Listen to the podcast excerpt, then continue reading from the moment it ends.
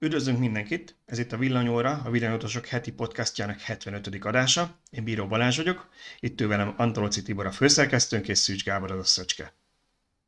Sziasztok, köszönjük mindenképp, mert a múltkor megszóltak, hogy nem is köszönünk. Igen, pró- próbáltunk valami, valami újat bedobni, de úgy látszik nem mindenkinek jött be. Úgyhogy most visszatértünk a szokásos formátumhoz, így virtuálisan találkozunk, mert azért annyira távol lakunk így egymástól, hogy nem tudunk minden es alkalommal összejönni, de igyekszünk majd azért többször személyesen is találkozni. Azt nem mondom, hogy havonta egyszer, de a nyáron már tudom, hogy készülünk egy speciálisabb podcasttal, egy külső helyszínre, úgyhogy remélem, hogy azon nem csak minket, minket láttok, majd hanem találkozhattok a többi kollégánkkal is, ha minden jól megy. Ami persze azt jelenti, hogy megint két napig fogom vágni a videót, de remélhetőleg legalább a... rossz lesz a hang. Remélhetőleg a hang jobb lesz, mint a múltkor, ezért utólag is elnézést kérünk mindenkitől. Nem annyira egyszerű műfaj ez, mint ami ennek tűnik, úgyhogy igyekszünk mi is tanulni, meg megjavulni ebben. Jó, szóval most... még csak másfél éve csináljuk, tehát... Igen, de, de azért vald be, hogy azért ez a Skype-os dolog egész jól megy nekünk, amikor nem zuhan szét alattunk a szoftver, tehát amiben ezt rögzítjük. Mert ugye azt csak így, ha már úgyis mindenki ilyen technika őrült, vagy legtöbb ember, aki minket olvas, inkább így mondanám, hogy ezt mindenki tudja, hogy a Skype-nak is van ilyen videófelvétele, korábban láttatok olyan videókat is, csak azt a Microsoft, amikor jött ez a, ez a pandémia, visszavetett 15 képkocka per másodpercre, mert annyi, annyi volt az igény, legalábbis én ehhez kapcsolom, az meg eléggé egy ilyen diafilm jellegű, úgyhogy az attól megkímélünk titeket, úgyhogy más eszközökkel rögzítjük a Skype-os videokonferenciát, innentől kezdve pokolkapui nyílnak ismét, amikor megnyomjuk a felvétel gombot, de most reméljük, hogy nem lesz ilyen és élvezhető lesz. Na, Na csapjunk a lovak közé. Van egy merényletünk, mert hónapok óta dolgozunk valamin, amit én nagyon szerettem volna már mindig elmondani, de még nem álltunk készen vele, hogy elindítsuk. Most a elindítottuk, nem vagyok benne biztos, hogy készen álltunk teljesen, mert mindennek vannak gyermekbetegségei, de, de ezt most fel fogjuk fedni, és lerántjuk róla a leplet, úgyhogy szerintem ez lesz a fő témánk ma. Aztán lesz egy pár rövid hírünk, hogyha minden jól megy és belefér az időbe, fogunk beszélni itt a Tesla radarokról, fogunk beszélni hidrogénes autókról. Nem, nem az a hidrogénes téma, amit sok, sok ideje ígérünk, hanem úgy néz ki, hogy ha minden jól megy, akkor tudunk egy hidrogénes autót tesztelni, vagy legalábbis bemutatni, úgyhogy erről fogunk egy pár szót beszélni, aztán meglátjuk, hogy még a rövid hírek közül mi fér bele a mai adásba. De akkor kezdjük a fő témával. Az, azon tanakodtunk, hogy hogy vezessük fel, és én arra gondoltam, hogy én annon kézelíteném meg az egészet, hogy, hogy szerintem Magyarországon mindig, amikor villanyautózásról beszélünk, akkor előjön az, hogy ez milyen drága történet, mert hogy drágák ezek az autók. Persze itt van a állami támogatás, és ugye mondtuk, hogy mint a Dacia Spring kapcsán már akár 4 millióért haza lehet vinni vadonatúj elektromos autót, de ez még mindig nagyon sokaknak nem egy megfizethető ár, illetve mondjuk lehet, hogy ennyi pénzének itt nagyobb autó kellene, ezért inkább használt autókat keresnek, mi is szoktunk használt autókat keresni az interneten, ha más nem csak poénból, meg hát Szöcske, aki hetente más Ionicot veszi, aztán végképp. Szívom a vérét, de már rég Níróval jár. Szóval, hogy a lényeg az, hogy mindig úgy éreztük, amikor ilyen oldalakat böngésztünk, hogy valahogy ezek a benzines és dízelautókra lettek kitalálva, és nincsen, nincsenek felkészítve teljesen arra, hogy a villanyautózásban fontos paramétereket megjelenítsék, ezek kereshetőek legyenek, egyetlen közös nevezőre hozzák, Úgyhogy úgy éreztük, hogy itt van egy hiány, amit be kellene töltenünk, és ezt megtettük, úgyhogy elindult a tegnapi nap, nem, mi van ma? Mai nap, akkor két nappal ezelőtt, így szépen csöndben a fű alatt elindult a VAP, azaz a Villanyautópiac nevű oldalunk, amit megtaláltok a piac.villanyautósok.hu címen, és mostantól elérhető mindenkinek, és jelen formájában ingyenesen használható. Átadnám a szót az uraknak, hogy reagáljanak erre a szenzációs bejelentésre, a breaking newsra, aztán majd akkor elmondom, hogy mit lehet itt látni. Én nagyon örülök ennek, abszolút, mert tényleg, ahogy említetted, azért ha nem is hetente másik Ajanikkal járok, de azért én mind a vevői, érdeklődői, mind az eladói oldalon viszonylag aktív vagyok a használt autó hirdető portálokon, többen is. nyilván itt egy komoly nézettség illetve látogatottságot kell elérni, de én úgy gondolom, hogy a villanyautósok.hu-nak köszönhetően ez a villanyautós körökben nekünk nem lesz probléma, tehát úgy gondolom, hogy nagyon jó látogatottságunk lesz. Mert én azért hirdettem már úgy autót, hogy, hogy egyszerűen annyira kevesen kerestek egy használt autós portáról, hogy ott felejtettem, és valaki egy évvel később hívott fel, hogy még megvan ez az autó. Hát rég elfelejtettem onnan letörölni. Én úgy gondolom, hogy nálunk nem lesz ilyen, mert itt aki villanyautót keres, az rövid idő alatt eljut a villanyautósok.hu-ra, és fel fog neki tűnni, hogy itt van egy ilyen lehetőség, ahol direkt erre szűrve az ilyen villanyautós specialitásokat, például akku állapot, ami ami maximum a szövegbe írható be, tehát nem kereshető, ha én azt mondom, hogy nekem mindenképp egy 12 pálcás leaf kell, akkor ezt más portálokon nem tudom megtalálni. Visszatérve itt egy kicsit arra, amit mondtál, hogy a többi szájtnak esetleg nagyobb közönsége van, az a helyzet, hogy, hogy szerintem irreleváns az, hogy, hogy mekkora az a közönség villanyhirdetés szempontjából, akik benzines autót keresnek. Így van. A villanyautót hirdető kereskedőt vagy magánszemélyt maximum az érdekli, hogy villanyautóra mennyien keresnek, abban pedig nem biztos, hogy óriási különbség lesz, hiszen hogyha ha tényleg ahogy, úgy van, ahogy mondod, én hiszek benne egyébként, hogy így van, hogy aki villanyautót keres, az előbb-utóbb fölbukkan a villanyautósok.hu-n, az akkor találkozni fog ezzel a hirdetési felülettel, és, és meg fogja tudni nézni a, a, ezeket a hirdetéseket. És ugye még egy olyannal is készülünk, ez még nincs kész per pillanat, valamilyen szinten szükséges hozzá, hogy, hogy legyenek teljes spektrumban hirdetések a, a, a piac oldalon, a VAP oldalon, hogy be tudjuk fűzni ezeket a hirdetéseket a villanyautósok.hu tartalmai közé, vagy tartalmi oldalára, tehát mondjuk egy Tesla teszt mellett bukkanjanak fel a Tesla hirdetések a, a villanyautópiacról és akkor nyilván könnyebb eljutni ezekhez, meg olyanok is látják, akik nem feltétlenül biztos, hogy hirdetésre kerestek. Balázs nagyon Igen. mosolyog. Igen, az jutott pont eszembe, és vicces, hogy a Tesla említetted, hogy most átéreztem egy pillanat, hogy hogy érezhetik magukat Elon Musknak a munkatársai, amikor valahol nyilatkozik, és izzadnak picit, hogy mit mond a főnök, hogy mi az, amit már holnapra le kéne fejleszteni, mert, mert ő már bejelentette a nagy érdeműnek, de szerencsére semmi olyat nem mondtál, amiről nem tudtam volna. Úgyhogy igen, ha már ezt említette a Tibor, természetesen van rengeteg fejlesztési tervünk, ezekről nyilván most részletesen még nem akarunk beszélni, de úgy tekintsetek erre az oldalra, hogy az első verzió. Ráadásul ez egy olyan első verzió, ami egy meglévő sablonra épül, amit mi átalakítottunk az elmúlt pár hónapban, tehát nincsen benne minden, amit szeretnénk, mert egyszerűen mindent nem tud, amit mi szeretnénk, ahhoz egy teljesen új oldalt kell csinálni, egy sokkal nagyobb projekt. De egyébként tehát ez oldal is már nagyon régóta terve volt, Tibor is régóta gondolkodott rajta, én is régóta gondolkodtam rajta, aztán együtt is elkezdtünk rajta gondolkodni, egyszerűen piszok sok idő valami itt megcsinálni, úgyhogy én amikor úgy döntöttem, hogy feladom a napi 8 órás munkámat, akkor többek között azért is tettem, mert úgy, úgy gondoltam, hogy ehhez több energia kell, hogy ezt meg tudjuk csinálni. Főleg, hogy ez az első verzió, és folyamatosan fejleszteni szeretnénk. És akkor még nem gondolt, hogy egy napi 16 órát igen, igen. Ahogy teszt, tesztelünk, videót csinálunk, videót vágok, cikkeket írok, és pluszban még ezt is csináljuk, igen. Na de, térjünk akkor át arra, hogy miért, miért is ilyen különleges ez az oldal.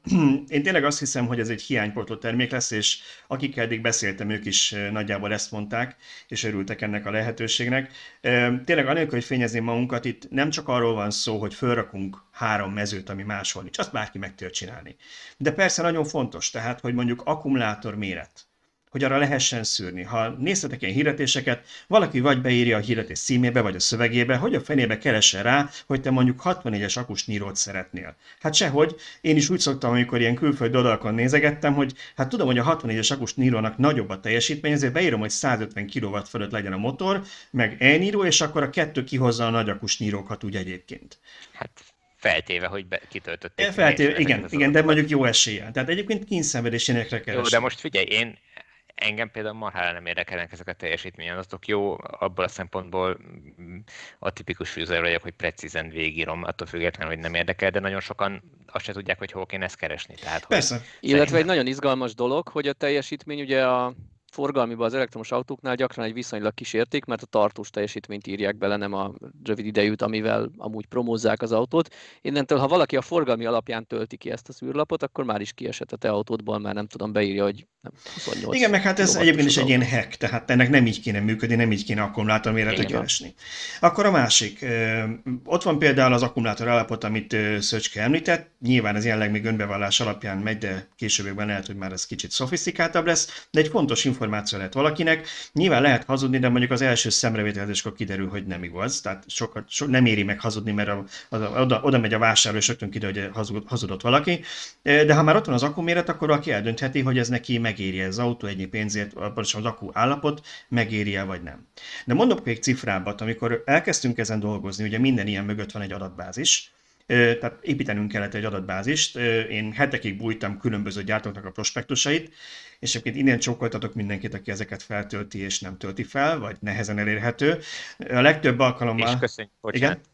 Bocsánat, hagyd szóljak az egy, köszönjük meg azoknak az olvasóknak, akik, amikor volt egy fölhívásunk, akkor igen, igen, ez, ez, és kitöltötték. Ezt nem, én akartam a, a... Sokan azt írták meg ott is, hogy miért nem nézett ki a katalógusból, hát Balázs megmondta most, hogy Igen, miért. mindjárt akkor erről beszélek egy kicsit a plugin hibridek kapcsán, de ugye alapvetően az elektromos autóknál is az van, hogy leginkább azért dolgoztam külföldi oldalakról, hivatalos márkakereső oldalakról, mert nagyon sokszor a magyar oldalakon nincsen ilyen dokumentum, és csomó, csomó oldalon azt is látod, hogy ha különböző aloldalakra kattintasz, más érték szerepel ugyanannál a paraméternél. Úgyhogy elég nagy kuplerája van, és innentől kezdve nehéz megbízható adatot találni, már pedig mi szerettünk volna megbízható adatokat találni, úgyhogy elég sok kutató munka volt ebben, és igen, a plugin hibrideknél például azért tettük ezt a felhívást, mert a tisztán villanyautóknak, a, a, vagy tisztán elektromos üzemű autóknak a, a, a száma az viszonylag véges, most már azért szép számmal vannak, de ezt még pár nap és pár álmatlan éjszaka alatt meg tudtam oldani, viszont a plugin hibrid az egy annyira tág kategória, hogy abban már úgy éreztem, hogy kell az olvasók segítsége, és tényleg innen köszönjük, hogy segítettetek. Persze nagyon sok mindent tudnál validálni kellett, ha mondjuk eltér adatokat írt két ember, de ez már egy kicsit könnyebbé tette a helyzetet. És hogy még, még valamit mondjak erről az egészről, Természetesen most alapadatok szerepelnek az autóknál, később majd ezt tervezzük bővíteni. Hogyha bárkinek van olyan, amit, amit úgy érez, pont tegnap mondott nekem valaki egy tippet, tippet tegnap este, mit hiányol, akkor, akkor jelezze ezt felénk, van az oldalnak egy kapcsolat menüpontja. Egyébként azt is lehet jelezni, hogy ha valami hiányzik az adatbázisból, vagy valami hiba van, előfordulhat, nagyon sok mindent írtunk be, tehát előfordulhat egy-egy hiba, vagy hogyha, vagy hogyha valakinek van ötlete, hogy később milyen mezőt szerepeltessünk, akkor szívesen várjuk ide a tippeket. Van egy, van egy érdekes jellemzője az oldalnak, így ahogy most Balázs vezetésével be lett állítva, hogy nem lehet akármilyen autót felvenni. Tehát nem lehet kitalálni egy nem létező autót, és azt mondani, hogy azt elkezdeni hirdetni, mert fix autók vannak tulajdonképpen definiálva többé-kevésbé a rendszerben. Úgyhogy előfordulhat ebből adódóan, hogy ö, olyan verzió jó, vagy olyan felszereltségű, vagy olyan tulajdonságú autót akartok hirdetni, ami esetleg valamilyen nincs fölvéve, vagy hibásan van fölvéve, akkor ezt a már említett kapcsolatmenüpontot kellene keresni, és akkor azon jelezni, hogy elszúrtuk, vagy hiányos az adatbázis. Igen, ez mindenképpen azt mondanám, hogy a rögösebb út volt, de én elég sok informatikai projektet láttam már, meg volt benne részem, és mindegyiknek közös vonása, hogy az, hogy az adatminőségen bukott el a történet. Ne, volt be, hogy, volt be, hogy kocka vagy, és ez feltétlen kell. Egyrészt igen, másrészt meg ténylegesen az adatminőség az egy, azon túl, hogy nagyon fontos, olyan szinten tud elszaladni a hibás adatokkal, meg a, meg a különböző kamu módon kitöltött mezőkkel. Van egy kötelező mező, de nem tudom az adatot, akkor valamit beleírok, hogy utána ezt kontrollálhatatlan. Úgyhogy ezért választottuk ezt a kétségkívül nehezebb utat, hogy, hogy előre kitöltött adatbázis van, és onnan kell kiválasztani az értékeket. Szerintem be fog tenni ide pár vágóképet, amin, amin úgyis látszik, majd meg mindenki kipróbálhatja maga. Nagyon sok olyan érték van, ami előre megvan, de van olyan, ami, amit lehet választani. Valaki például felvetette nekem, hogy miért engedünk mindenfajta töltőcsatlakozókat mindenfajta autóhoz. Hát például azért, mert fel akartuk el is készíteni az adatot, hogyha valaki mondjuk külföldi tengeren túli importautót szeretne hirdetni, kiválasztassa, hogy neki Csadamon csatlakozó van azon az autón, ami Európában egyébként CCS csatlakozós. Ez egy nagyon inf- fontos információ azoknak, akik mondjuk itthon ezt az autót meg akarják venni. Igen, de mondjuk egy példát, hogyha mondjuk kiválasztasz egy Nissan mm. Leaf-et, akkor nem lehet uh, akármilyen akkuméretet beállítani, tehát nem tudod beállítani, hogy 23 kWh legyen, mert csak 24-es, 30-as 40-es, meg 62-es. Igen, igyekeztük, igyekeztük fölvenni, a, mondjuk ha már a Leaf-et hoztak példának, igyekeztük fölvenni a fontosabb ráncfelvarásokat vagy kiadásokat, tehát hogyha láttuk egy évszámot a típus neve mellett, az egy nagyobb kiadás. Gondolkoztunk el, csak hogy odaírjuk, sok oldal itt teszi, odaírja, hogy ráncfelvart verzió, vagy megújított de van olyan autómból van három, és akkor második ráncfelvarrás, hogy most hogy hívjam, hogy évszámmal kezdtük, megnéztem mindig, hogy az mikor jött ki az a verzió, és akkor ott van mellette. Az a legtisztább. És akkor eh, meg ahhoz, ami kapcsolódnak hivatalos akkuméretek, azokat lehet kiválasztani legördülő menüből. Ezután ki lehet választani a hatótávot is, eh, és ha már hatótáv, akkor erről még, még beszélünk egy picit. Eh, szintén nem volt egyszerű, de, de sikerült megoldanunk azt, hogy egyfajta hatótáv értéket láttok mindenhol. Mit értek ez alatt? Ugye, ha új autóról beszélünk, Európában ugye a VLTP hatótávot látjátok, ez egy teljesen hivatalos adat, de nem mindig ez volt a rendszer, volt korábban NEDC hatótáv is, és a használt autóknál nyilván lehetnek olyan modellek, aminek soha az életben nem volt hivatalos VLTP hatótávja. Na most nincsen hivatalos átszámított táblázat vagy, vagy konverter, amivel ezt meg lehetne oldani, hogy én azt mondom, hogy ennyi NEDC kilométer az ennyi VLTP, nincs ilyen.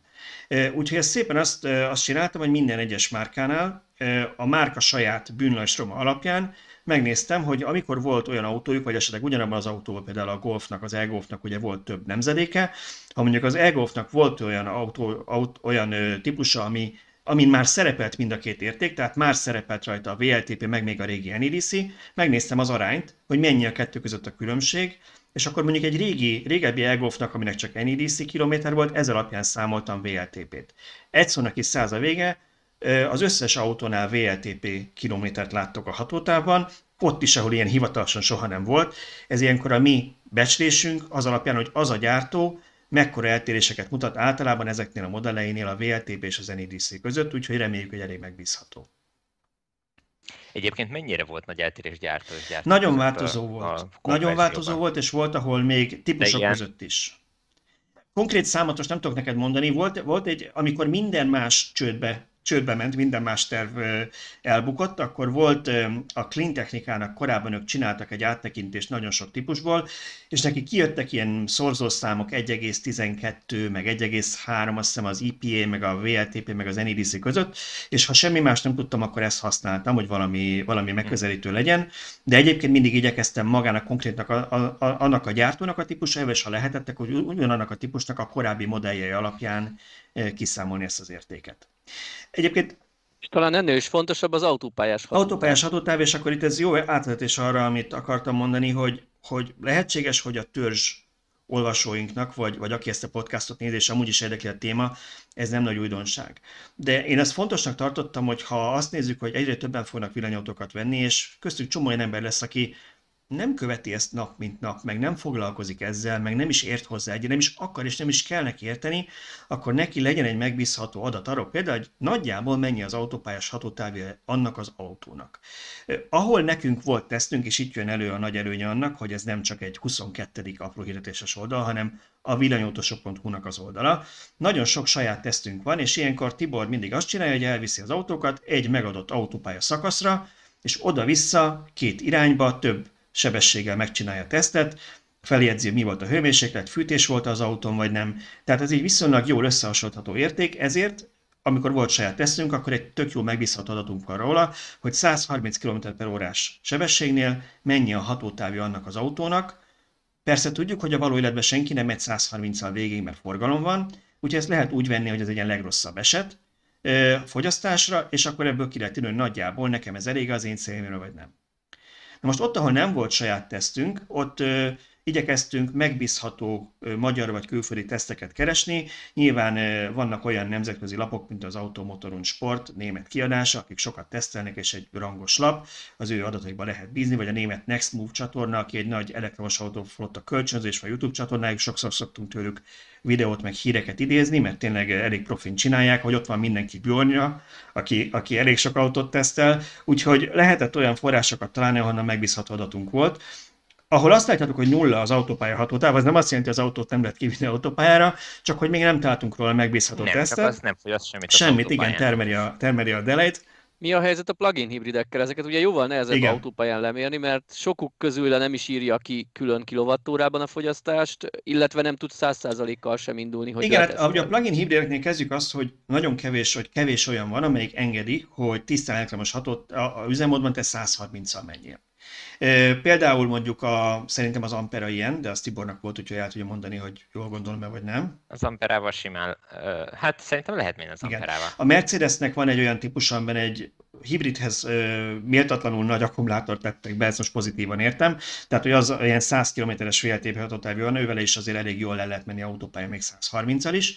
Úgyhogy voltak olyan plugin hibridek, ahol, ahol ezt ki tudtuk számolni, vagy volt róla a teszt is akár, de nagyon soknál azt látjátok, hogy nulla, azért, mert mondjuk az a típus nem engedő, hogy te 130-al tisztán elektromosan menjél, vagy mondjuk egy értékelhetetlen hatótáv lenne mondjuk 5 km vagy 10, tehát nyilván azt nem volt értelme beírni, vagy egyszer nem volt róla adatunk, tehát ez nyilván bővülni fog, hogyha több autó tesztet látunk, vagy teszteljünk saját magunk, akkor fognak ezek az adatok frissülni. Világos, szóval, és ugye ez azért lényeges, szerintem ezt nem hangsúlyozhat ki az elején, hogy erre lehet mind szűrni, Igen. ezekre az adatokra Igen. mind lehet szűrni a keresésnél, tehát hogyha ha nem 10 hirdetés lesz fent az oldalon, hanem mondjuk 1500, akkor ezek alapján olyanok is, akik nem feltétlenül biztos, hogy ismerik a teljes kínálatot, vagy ismerik a modelleket, azok is meg fogják tudni találni azokat az autókat, amik mondjuk még alkalmasak arra, hogy ők nem tudom, 50 kilométerről bejárjanak minden nap vele dolgozni, és haza is jussanak anélkül, hogy a munkahelyen tölteni Igen, kellene. nagyon pici kis lábjegyzetet tennék, csak egy pici kis csillagot tennék a mondathoz, hogy én azt javasolnám, hogy a VLTP hatótávra nyugodtan lehet szűrni.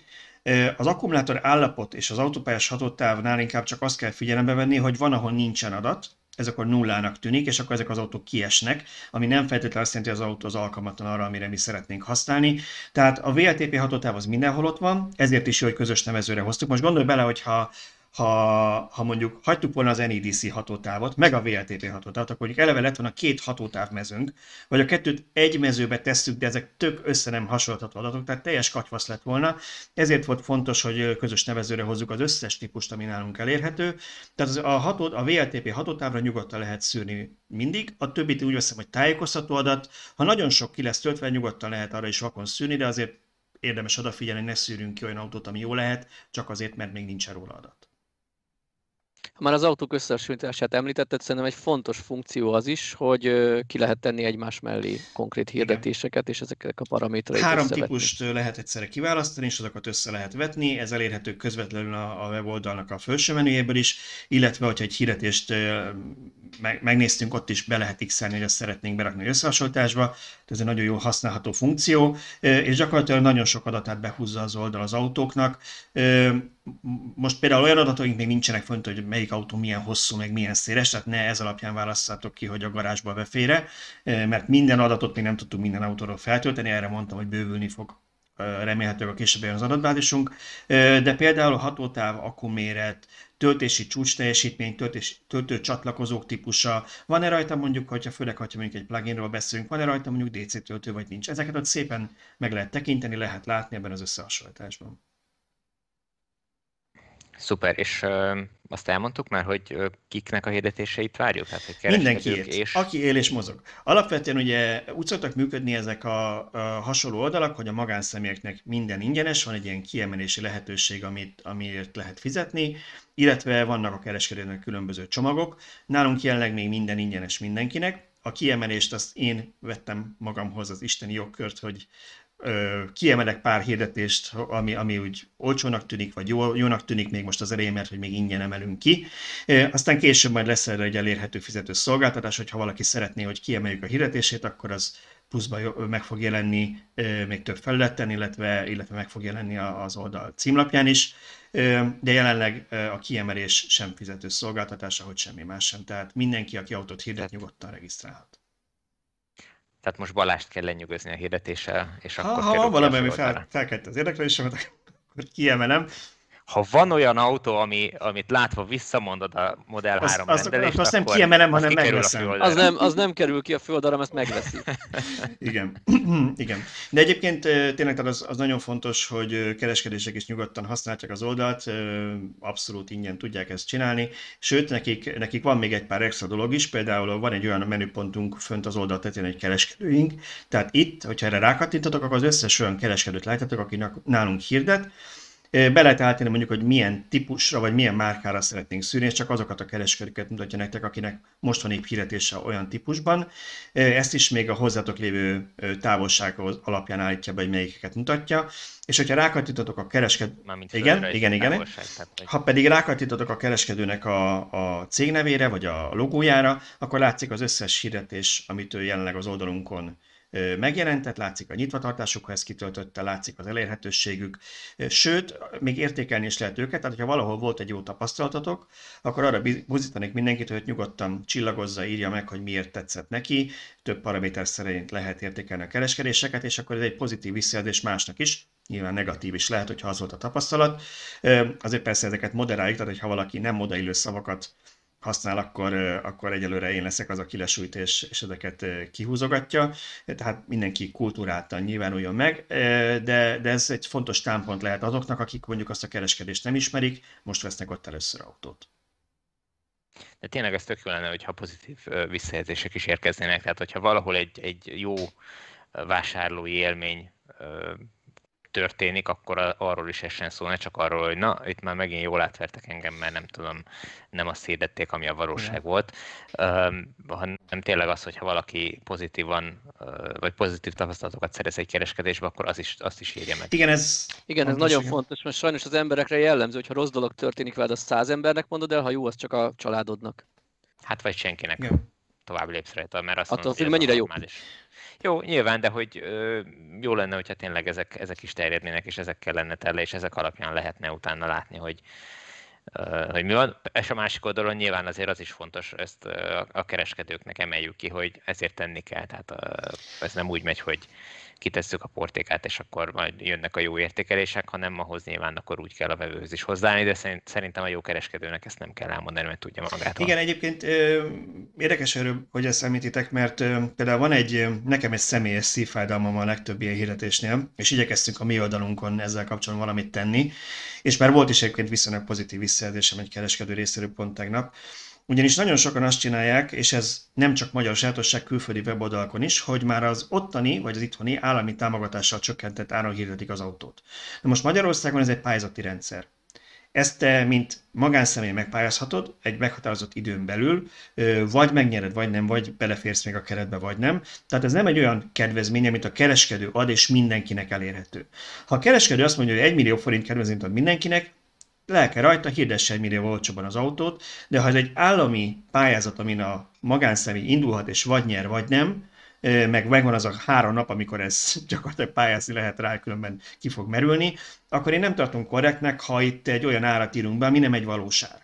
Úgyhogy igyekszünk, azt, kér, azt kérjük minden kereskedőtől, és mondom, tegnap már voltak erre nagyon pozitívan is reagált, hogy az autó árát írják be az ármezőbe, és van mellett egy akciós ármező, abban minden kedvezmény be lehet számolni, amit ők adnak, akár még ezt az államit is, meg fog jelenni szép nagy betűkkel, nagyobb betűkkel fog megjelenni, mint az autónak az eredeti ára, de ott lesz az eredeti ára az autónak, hogy aki azt a hirdetést megnézi, annak tiszta legyen, hogy, hogy ez egy kedvezményekkel módosított ár, és egyébként az autó paraméterei között van egy olyan menüpont is, egy olyan kis checkboxocska, amit be tud x a kereskedő, hogy állami támogatás elérhető az autóra, vagy pedig nem, vagy pedig, hogy állami támogatás, hogyha vagy használt autót árul valaki, át kell vállalni egy korábban megnyert pályázat kapcsán, vagy pedig nem kell átvállalni, tehát ezt is érdemes figyelni. Na hát ez megint csak egy olyan szolgáltatás, amit más oldalon nem lehet megtalálni, és a villanyautóknál pedig különösen fontos. Én pedig tennék egy fejlesztési javaslatot, ha úgy gondoljátok, hogy ez így publikban meredek, akkor majd Eg- Egész nyugodtan, persze. Rutinos már a vágásban. Nekem az jutott eszembe most itt a beszélgetés közben, hogy ugye a, a autó gyártásban megjelenési évével különböztetjük meg azokat a modelleket, amelyek azonos néven több éven keresztül voltak gyártásban, de akár egy faceliftnél is több, tehát például egy Fiat 500-asnál volt ugye a régi amerikai modell, és most van egy új modell, ami 2020-ban jelent meg. Tök jó, hogy ezt 2020-szal jelen, jelöljük meg, illetve különböztetjük meg, csak kicsit olyan félrevezető lehet, hogy most akkor ez egy 2020-as, vagy egy 21-es, vagy egy 19-es autó, tehát a aut, konkrét autónak a gyártási éve, úgyhogy ehhez el kellene gondolkodnunk valami olyasmi megjelenésen, az sem jó, hogyha például az MY-nal vezetik fel sokan ezt, hogy modellír, de ugye az meg nem a kiadás dátumára utal, tehát hmm. valami különböző szín, vagy bármilyen megkülönböztető jelzésen én itt Én nagyon örülök neki, ezeket a fejlesztett javaslatokat a a téma fejlesztő cégének lehet megtenni az ő kapcsolati formjukon, Gábor. E, ne, ne, ne, ne, ezt ne utasítsuk Nem, nem, természetesen de ez végül is az adott típus Igen. neve, nem? Természetesen, csak a színekre gondoltam. Természetesen igyekszünk mindig ezen finomítani, meg hasonló visszaélések alapján, amit lehet megtenni. Ugye megvannak a limitáció ennek a rendszernek, amit, amit megvettünk, de amit lehet ebből kihozni, azt, azt, azt kihozzuk, és csiszolunk rajta tovább. Én ezt csak azért szúrtam be, hogy lelkesítsem ezúttal is a közönséget, a villanyautós közösséget, hogy ők is tegyenek hasonló Igen. Igen, ezt akartam mondani, hogyha... Mint amilyen örömet most láttatok az imént az arc. Igen, tehát hogyha ha vannak ilyen javaslatok, azokat örömmel veszük még akkor is, hogyha esetleg most a közeljövőben ezek nem kerülnek be pont emiatt, mert hogy ez a rendszer ennyit tud, vagy, vagy, vagy limitációi vannak, de hogyha ha kellően sok ilyen fejlesztési javaslatot kapunk, akkor nyilván belevágunk egy nagyobb lélegzetvédelő fejlesztésbe is, és akkor, akkor ezek mind megvalósulhatnak. Igen, ezt például valaki említett nekem valamit, amin azért, azért mosolyogtam, mert nekem is ez volt az egyik első reakció, amikor elkezdtünk ezzel dolgozni, hogy ha már én kiválasztottam a típust meg az akkumulátor méretét, akkor mondjuk a hatótávot miért kell nekem kiválasztani a legördülőbből a kettő közül, a kis meg a nagy akusé közül. Mi is nagyon szeretnénk, hogy ha ez, ha ez nem így működne, hanem akkor rögtön csak azt tudnánk betenni, és így tovább. Erre mondják azt, hogy ez feature és nem bug. Sajnos így működik ez a rendszer, de mondom, amit lehet ezen belül, azt megteszünk, és hát alapvetően mondjuk akkuméret kettő van egy autónál, nem szokott hatfajta akkumulátor egy autóforgalomban lenni, úgyhogy általában maximum kettő van, vagy csak egy, úgyhogy nem egy akkora történet. De, de nyugodtan meg lehet minden ilyet írni, ha valamit nem fejlesztünk le azonnal, az nem azért van, mert szerintünk nem jó ötlet, hanem mondjuk esetleg nem lehet. De minden ilyet feljegyzünk, és valószínű, hogy amikor ennek az oldalnak lesz egy teljesen új verziója, egyszer majd a jövőben, az már egy nulláról induló fejlesztés lesz, ami csili lesz, és olyan ponton mi akarunk. De én megmondom őszintén, szétné, szétnézve így külföldön és Magyarországon is, lehet, hogy azért mondom, mert egy apának a gyermeke az mindig a legszebb, de én nagyon büszke vagyok arra, amit összehoztunk, mert szerintem már most is ebben az első verziójában nagyon jól használható lett. Ha már fejlesztési javaslatok, bocs, ez az utolsó. Ugye a legtöbb autónál beírtad a VLTP hatótávot, ami így megy bontóba. Viszont mi a helyzet Teslával, amikor Musk twittel egyet, és akkor hirtelen adnak plusz 10-20 kilométereket. Van-e óta frissítési lehetőség az oldalban, ami a Musk tweetjei alapján átkalkulálja? Nincs, de ez egy remek ötlet. Egy, egy Twitter robot be van-e állítva? Ami igen, igen, és akkor itt, itt bukik a modellév elméletünk is, mert a tesla nem modellév van, hanem Musk twittel egyet, és mostantól az autókban nincsen radar. Tehát, hogy igen, mindenre mi sem tudunk felkészülni, ugye ez a mostani állapotot tükrözi. Nyilván, hogyha valamelyik autónál mondjuk egy jelentős változás történik, azt átjavítjuk, de hogy 5, 5 km kilométerre nagyobb lesz a Model 3 hatótávja, mert leszereltek róla valamit, akkor azt azért nem frissítem.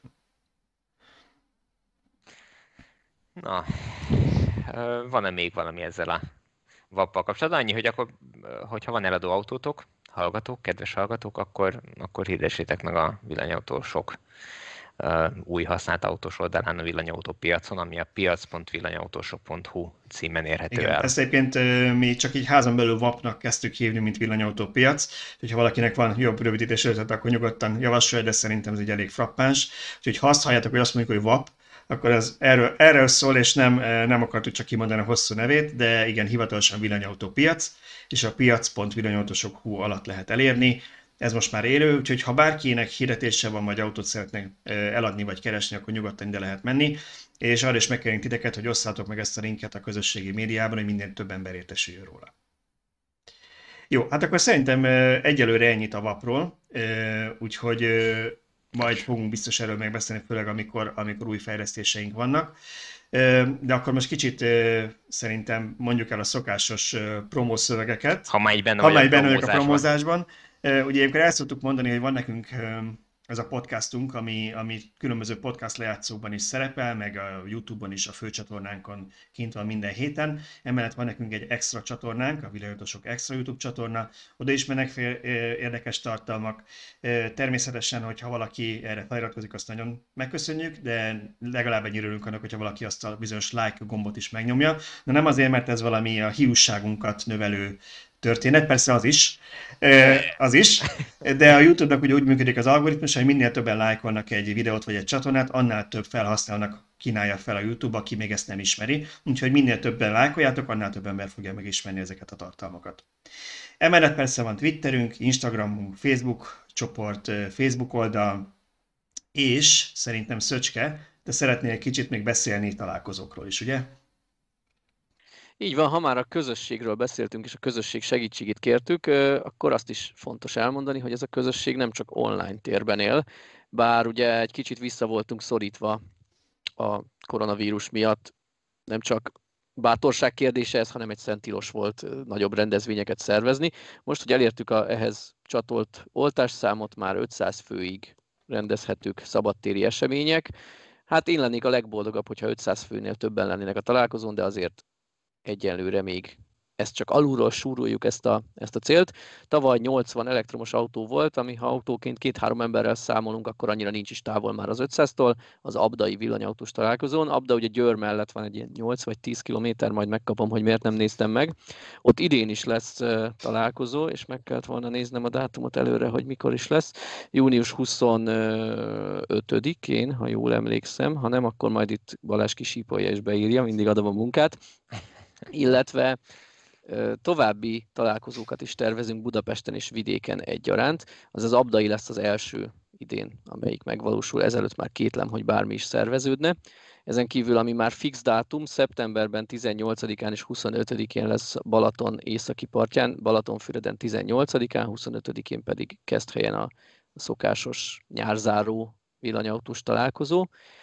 Én már két éve rendezek Miskolcon villanyautós találkozókat, bevallom, ennek még nincs fix időpontja, de mindenképp tervezem idén is, úgyhogy amint eldőlt az időpont. Ezzel ugye szerettem volna a többi találkozó időpontját is megvárni, hogy ne, ne nagyon szervezzem rájuk. Ígérem, hogy itt is lesz. Nagy valószínűséggel Budapesten is lesz találkozó, hogy mikor és pontosan hol, arról majd a villanyautósok.hu időben értesültök, és félfüllel azt hallottam, hogy nem csak Abdán, hanem Győrben is lesz valamikor, talán augusztusban egy villanyautós találkozó, úgyhogy megszaporodnak az események, de szerencsére a villanyautósok száma is szaporodik, ezekkel a találkozókkal azért érdemes úgy kalkulálni, hogy, hogy nagyon sokan eljönnek ide messziről is, tehát nem, nem azt kell mondani, hogy hm, biztos lesz majd Szegeden is, és akkor én, én arra megyek el, mert én ott lakom a környéken. Nyugodtan bátran gyertek el messzire, és egyelőre még nem szoktuk díjazni a legtávolabbról érkező villanyautós, de talán még ez is elég. De díjazzuk, hogyha valaki távolról jön, igen. Igen, és ha már itt mondtad a Délalföldöt, hogyha valakinek van kedve a hallgatóságból ott villanyatos találkozót szervezni, igény az lenne rá. Tehát azt már többször is megkaptuk, hogy és Szeged környékén, Békés Csaba környékén miért nincs ilyen találkozó. Legfőképpen azért, mert kellene ott a helyi villanyautós, aki ezt a szárnyai alá veszi, és hajlandó időt áldozni erre, hogy egy kicsit utána járjon, helyszínt keressen, lebeszélje, megkérdesse, kitalálja és összefogja ezt az egészet, hogyha van, akkor mi szívesen teret adunk neki, és promózzuk a találkozót, tehát hogyha ha, van kedvetek, vagy van valakinek kedve ezt megcsinálni, akkor, akkor mi segítünk. Így van, ezt szerintem most is elmondhatjuk, hogy nem azért van Abdán, vagy Keszthelyen, vagy Balatonfüreden villanyautós találkozó, mert Tibor Budapestről, vagy én Miskolcról elkezdjük ezt szervezni, hanem ott van helyben egy német Ági, ott van helyben egy Jósa Tamás, vagy egy Szabó András, akik ezt nem kevés munkát belefektetve csinálják. Tehát, ne riasszunk el senkit, nyilván. Ne, ne, ne riasszunk el senkit. Lehet kevés munkával is. A, a Miskolciba viszonylag kevés munka szokott lenni, olyan is, mindig esik. Én, én, is, én, is, Tehát én is így kezdtem. Például esernyőt sem Én is így kezdtem videót Igen, vágni, hogy ez nem lesz sok munka. Igen, Szöcske, Szöcske mindig úgy szervezi, hogy, hogy piszok jól összerakja, kitalálja a helyszínt, a programot, meg minden, és az időjárás jelentésnek el, vagy időjárás és egy felelősöknek el, elfelejt szólni, hogy hát kellene... Na jó, de ő éjszakon lakik, tudod, tehát ott várható, hogy írni az időjárás. Tehát nem mediterrán ja, környék. Ja, Sokkal közelebb van Szibíria, így van. Igen. Mint mondjuk Keszthelyhez. Na, de mindegy, szóval a lényeg az, hogy ide, igen, egy kicsi munkát bele kell tenni, de hogyha mondjuk két-három villanyautós összeáll és egymásnak segítenek ezeket megszervezni, tehát nem egyetlen egy ember vállán nyugszik az egész, akkor, akkor ez nem egy vállalhatatlan feladat. Ki kell találni, és a, a többiben segítünk. Oké. Okay. Jó, szóval találkozók akkor újra, most, hogy már eh, remélhetően nagyon sokan be vannak oltva, és ez így egy biztonságos gyakorlat lesz. Van egy pár rövid hír a héten is, amiről szerettünk volna beszélni. Én még, én még visszatérnék, már ezt nem beszéltük meg, csak én... Majd Balázs kivágja, térjél, nyugodtan. Semmi. Uh, hogy uh, itt a, a használt autók kapcsán jutott eszembe, ugye, hogy te múlt héten azért voltál itt Budapesten, és azért tudtunk leülni együtt villanyórát csinálni, mert hogy te vettél egy autót, amivel még aznap este haza is akartál jutni, de végül azt hiszem erről nem beszéltünk, nem? Hogy te milyen autót vettél, uh, hogy igen. jutottál haza, miért azt az autót vetted, kinek vetted, így van. Oh, Azóta már az extra csatornán van is egy kis első benyomások videó.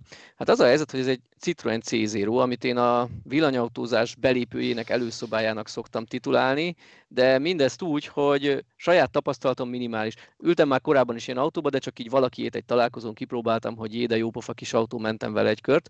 Most viszont anyósomnak vettünk egy ilyen elektromos autót, mert ugye a villanyautózás nagyon addiktív. Ő látja rajtunk, hogy, hogy mennyire élvezzük a villanyautózást, és valljuk be, neki annyira nem indokolt, mert, mert nem, nem, már nyugdíjas, nem ingázik a munkahelyére napi 100 km, tehát pénzügyileg nem feltétlenül volt racionális döntés, de úgy gondolta, hogy ő szeretne egy ilyen kis elektromos autót. Én próbáltam a Leaf irányába terelni, ahogy a kis videómban is mondtam, 3 millióért már lehet Leaf-et kapni, még lehet C0-t kapni, és azért a Leaf egy komolyabb autónak tűnik, de ehhez azért érdemes hozzátenni, hogy 3 millió az a, az a kis autó a klónok ajánlatának, vagy kínálatának úgy a teteje, vagy a felső harmada mindenképp, tehát a jobb példányokat lehet ennyiért megvenni, Leafekből meg azért inkább az alja. Tehát mi, mi ez a klónok, csak aki nem ismeri? Bocsánat, a klónok, igen, az a Peugeot Ion, Citroen C0 és Mitsubishi iMIV hármas ikreket szoktuk klónok, tripletek, hármas ikrek mindenféle néven emlegetni. Egyszerűen azért, hogy ne kelljen mindet kimondani. A három típus az nagyjából ugyanaz. A Mitsubishi iMIV volt az eredeti, amit eladtak, közösen fejlesztettek. Nem tudom pontosan, hogy hogy került a két francia partnerhez. Lényeg az, hogy egy minimálisan visszavett tudással néhány apró funkció hiányzik a francia tesókból, de lehet ilyen neveken is kapni. Egy picit ez az árban is tükröződik, egy néhány százezer forintos felára a Mitsubishi-nek szokott is lenni. Az egyik ilyen fontos felára, amit a mindjárt említett hazautamon nagyon hiányoltam, hogy a Mitsubishi tud töltés közben fűteni, míg a francia tesók nem. Na most ugye elrobogtunk két és fél órát Eger érintésével, a Níróval Egerbe, erről beszélt Budapestre, bocsánat, erről beszéltünk a múlt héten, majd ott én átültem a kis autóba, mert ugyan anyósom jött velünk, hisz ő vette az autót, de ő úgy döntött, hogy inkább a feleségemmel még a biztonságos Níróval jönnének haza. Én pedig hozzam csak haza a c De hát ha már ott vagyok Budapesten, akkor miért jönnék egyenesen haza még világosban? Leszerveztünk egy villanyóra felvételt, ami teljesen meglepő módon egy néhány óra csúszással valósult meg. Ez nem, nem azt jelenti, hogy ennyivel, ennyit késünk a felvételről, hanem ez a nettó 90 perc, ez bruttó 3 óra minimum szokott lenni, igen. Körülbelül Amíg a technikát hergeljük. Aztán nekem, Nekem még volt egy további tervem, hogy Molnár Norbitól kapok kölcsön egy vonóhorgos ajonikot, amihez vittem bicikliszállítót, Zsombortól kapok rá bicikliket, és akkor jól letesztelem, hogy, hogy mennyire befolyásolja a hátul lévő bicikliket. Ja, azt hittem, azt hittem hogy, a, hogy a c 0 akartad feltenni a bicikliszállítóra, mert hogy olyan pici, hogy... Az se lett volna egy rossz ötlet, akkor az Ionikkal simán hazarobogok töltés nélkül, mert az sokkal jobb autó, de nem. Bicikliket szerettem volna szállítgatni, ami nem jött össze, mert nem volt kompatibilis a horog és a bicikli szállító, ez egy mellékszál, viszont azt elértem vele, hogy a kereskedőtől ugyan 100%-ra töltve kaptam a c de én ugyan a fél tankot vagy fél akut, azt simán oda-vissza Budapesten belül már kiautóztam, tehát ilyen este 9 körül indultam haza Miskolcra, mert miért Egerbe vinném, Miskolcra hozom első körben az autót, mert szeretném kipróbálni, legyen hosszabb a táv. Egy félig, Budapesten félig lévő akús autóval, Úgyhogy... mekkora hatótávja, hogyha tele van töltve? Hát ilyen 100 kilométert nyaldos, ha az ember óvatosan vezet, de be kell valljam, hogy én még nem ismertem ezt a típust, tehát, tehát aki rutinos, azt kiautózza ezt a hatótávot. Én azért inkább úgy számoltam, hogy ilyen 70-80-nál nagyobb etapokat nem szeretnék bevállalni, uh-huh. és azt sem tudtam még, hogy az autónak a töltési kara hogyha mondjuk 60% felé töltök. Tehát be kell valljam, amatőr villanyautósként elég bénázva jöttem haza, gyakorlatilag az összes töltőt meglátogattam a Miskolc-Budapest szakaszon, legalábbis a DC töltőket, ami nagyon fontos, hogy rengeteg van, tehát magam is meglepődtem, hogy ilyen 20-40-50 kilométerenként találok egy DC töltőt, és bárhol tölteni tudok. És 20 kilométerenként töltöttél? Ne, ne idegesíts hát Nem, nem, azért nem 20, mondjuk majdnem mindegyiket. Tehát töltöttem Gödöllőn a Molnál, mert ugye már azt bőven kihagyhattam volna, de mivel kiautóztam Pesten az autót, ezért oda melyen 20 százalékkal értem. Innen elautóztam Gyöngyösre, ahol újra töltöttem egy DC töltőn. Utána Hát nagy függeden igazából hobbiból töltöttem, az tök kihagyható lett volna, majd mezőkövesden is töltöttem. Na most ezzel, hogy én így hobbiból többször töltöttem, jól megszivattam magam, mert mindig a 30-80% tartományban töltöttem, ami sokkal lassúbb, mint ha mondjuk a 10-60-ba tettem volna ugyanezt, de hát nem baj, egyszer élünk, úgyhogy így elég lassan értem haza de szerencsére mm, nem volt ebből semmi probléma, nem fagytam meg, de itt jött az, hogy tök kellemes lett volna, hogy azért a, a májusi éjszakában elég hűvös volt, ha a töltőn tudok fűteni, miközben töltök, hát itt nem tudtam. nem fagytam meg, de azért nem volt annyira kellemes, úgyhogy egy ülésfűtést lehet, hogy majd érdemes lesz beszereltetni a kis autóban, mert sajnos ebben a példányban az sincs gyárilag. Viszont nagyon pozitívan csalódtam az autóba. Én tartottam tőle, ugye, ahogy említettem, próbáltam is anyósom rábeszélni, hogy jobb lenne egy Leaf, de á, ő inkább kis autót akar, Marutiról vált, ez a méret kategória, ez jobb lenne. Hát megdöbbentett, hogy, hogy ez a kis Keikár, ugye ez a japán maximalizált alapterületű autó, ahol, ahol fix alapterületből kell kihozni a lehető legtágasabb utasteret, ez, ez mennyire jól sikerült, és tényleg megdöbbentően tágos. Jó, persze négy személyes a maga kategóriájában, de olyan tök kényelmes volt, tehát ez nekem egy abszolút pozitív csalódás volt. Kicsit tartottam a, az autó stabilitásától, tapadásától, menetdinamikától. Hm, ezt is sikerült tesztelni, ú, ezt még anyósomnak sem mondta, remélem nem hallgatja a villanyórát. Mezőkövesnél ott egy kicsit elbambultam egy kanyarnál, mert ott már hajnal egy óra volt, amikor arra jártam. Jó. Ö, és így szóval a Balázs megint vágni a, fog, értem? Nagyobb tempóval vettem be a kanyart, és teljesen stabilan az úton maradt a kis autó, nem, nem, nem néztem meg az árkot, nem kellett vontatni már az első úton. Ja, bocsánat, nagyon bele. Igen, egyébként, egyébként azt akartam mondani, hogy azért féltélte ennyire te az autót, mert nem nézted meg a piac.villanyauto.hu-n, villanyautó.hu-n, hogy ennek az autónak a valós autópálya hatótájve 130-nál 62 km a kalkulációink szerint, ez nyilván 130 nál valószínűleg senki nem fog 130-al repeszteni ezzel az autóval. Ennek a, az eredeti gyári hatótáját, amikor átszámoltuk VLTP-re, akkor 117 km jött ki, Nyilván ez még nem VLTP-ben volt annó reklámozva, hanem NEDC-ben, de nagyjából, ha más autókkal össze akarjátok hasonlítani, akkor 117 km a hatótávja, viszont nyilván újkorában is ezek nem új autók, úgyhogy érthető volt, hogy, hogy óvatos duhaj voltál egy az első úton. Na, de akkor jó vizsgázott ezek szerint. Abszolút jó vizsgázott. Nekem tök kellemes csalódás, hogyha bárki azt mondja, hogy viszonylag kevés pénzből szeretnék kipróbálni az elektromos autózást, én biztatni tudom. Ezek az autók már 2 millió forint alatt is elérhetők. Bevallom, azt nem mertük megvenni. Nem biztos, hogy megszívtuk volna vele, de nyilván saját magamnak eleve mások az esztétikai elvárások is, tehát vannak a piacon ilyen kicsit megkarcolt, fólia, fólia még rajta van, mert egy külföldi kölcsönző flottából jött, stb. Ilyen, ilyen autók is. Én, ha magamnak keresek, vagy mondjuk a feleségemnek keresek, akkor rajta lehet, hogy átnyomom ezt, hogy de hát az sokkal olcsóbb most azért, hogy rajta van egy csúnya fólia, jó lesz az úgy nekünk. Itt viszont voltak esztétikai elvárások, stb. Tehát így közel 3 millió forintért vettük meg ezt a kis autót, de úgy gondolom, hogy ha nem is egy millióval jobb, mint a két milliós sáv, de azért jobb autó. És egyébként anyósodnak mondta, ugye, hogy nem napi 100 km fog ingázni ez az autóval. Nagyjából milyen körben mozog? Mert, mert én úgy gondolnám, hogy ez egy ilyen elővárosi, városi, vidéki, kisvárosi környezetben ez tökéletesen elég még, még ennek a használható tárgya is, nem?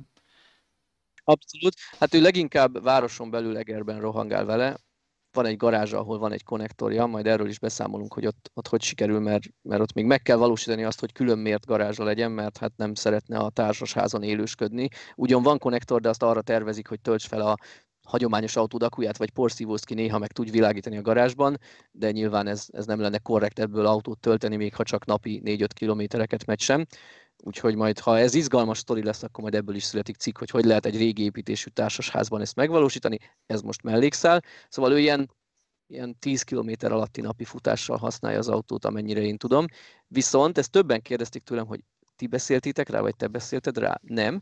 Olyannyira nem én beszéltem rá, hogy én kvázi egy feltételt szabtam, jó, ez most hülyén hangzik, mert nyilván az ember az anyósának nem szab feltételeket, de én úgy azt javasoltam, tanácsoltam neki, hogy akkor vegyünk neki egy ilyen elektromos kis autót, hogyha ő azt mondja, hogy eddig a Marutiával hozzánk Egerből Miskolcra nem, nem akart eljönni, inkább buszra szállt, vagy igyekezett az utazásokat úgy tervezni, hogy amikor mi pont arra járunk, akkor velünk eljöhessen.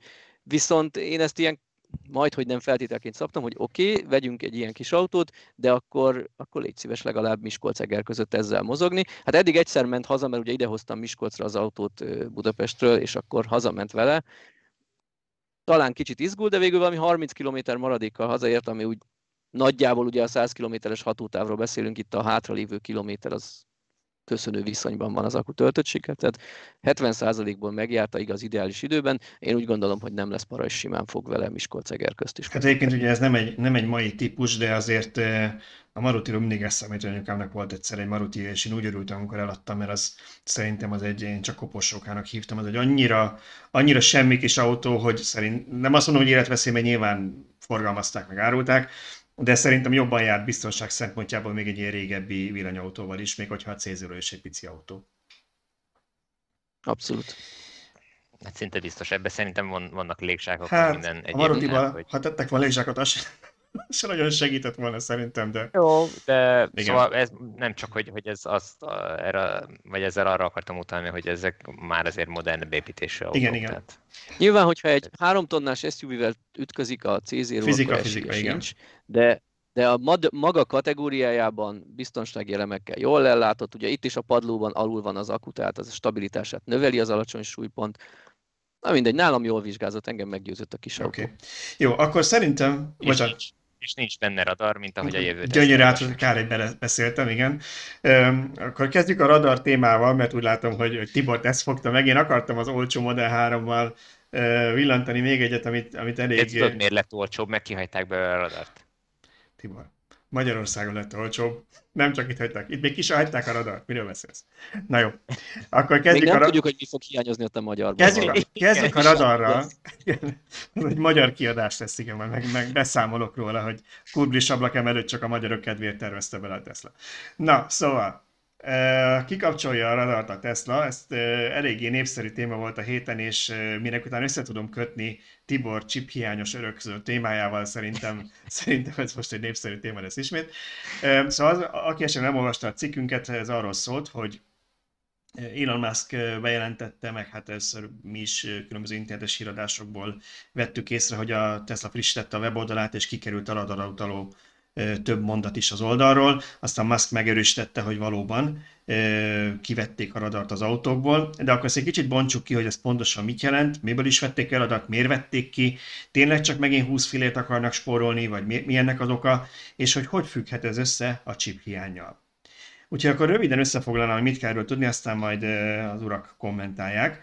Szóval az történt, hogy már gyakorlatilag két-három évvel ezelőtt Musk egyszeri meglebegtette, hogy hát a jövőben majd az a önvezető rendszer, meg a robotpilóta is, tehát maga az autopilot és az FSD, ugye ez két külön rendszer, vagy egy két külön szoftvercsomag nem fog radart használni, hanem maximum kiegészítő plusz információ, de igazából a kamerákra fog támaszkodni, főleg azért, mert ugye... Igen?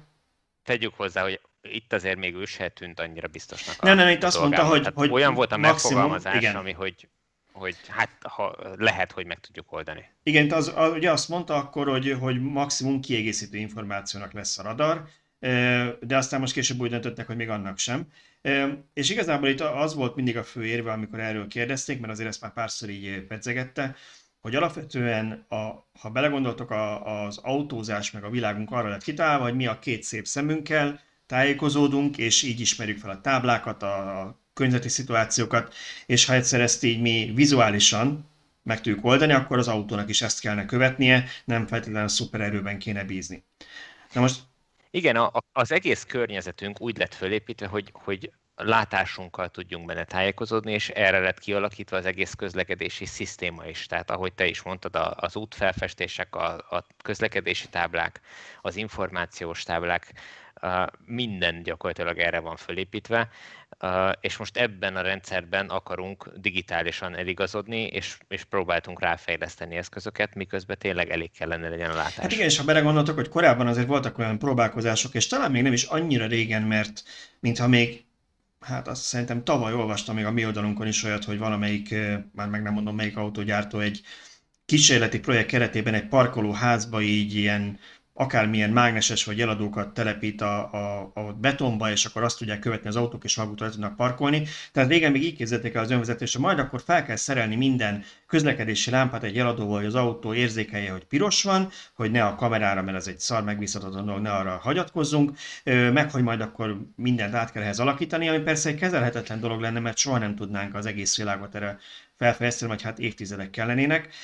És igazából... Nem lehet. Most gondolj bele, nálunk még az utakat se tudjuk normálisan karban tartani. Igen, ez... Tehát képzeld el, hogy kimegy egy ilyen eszköz az egyik lámpába, nem adja a jelet, és majd mit tudom én, jövőre, mikor lesz rá támogatás, akkor kicseréli a közlekedési vállalat, akkor addig mi lesz? Elkerülik az autók? Vagy hogy? Tehát ez nem igen, igen, szóval ez, ez, praktikusan nem egy járható út.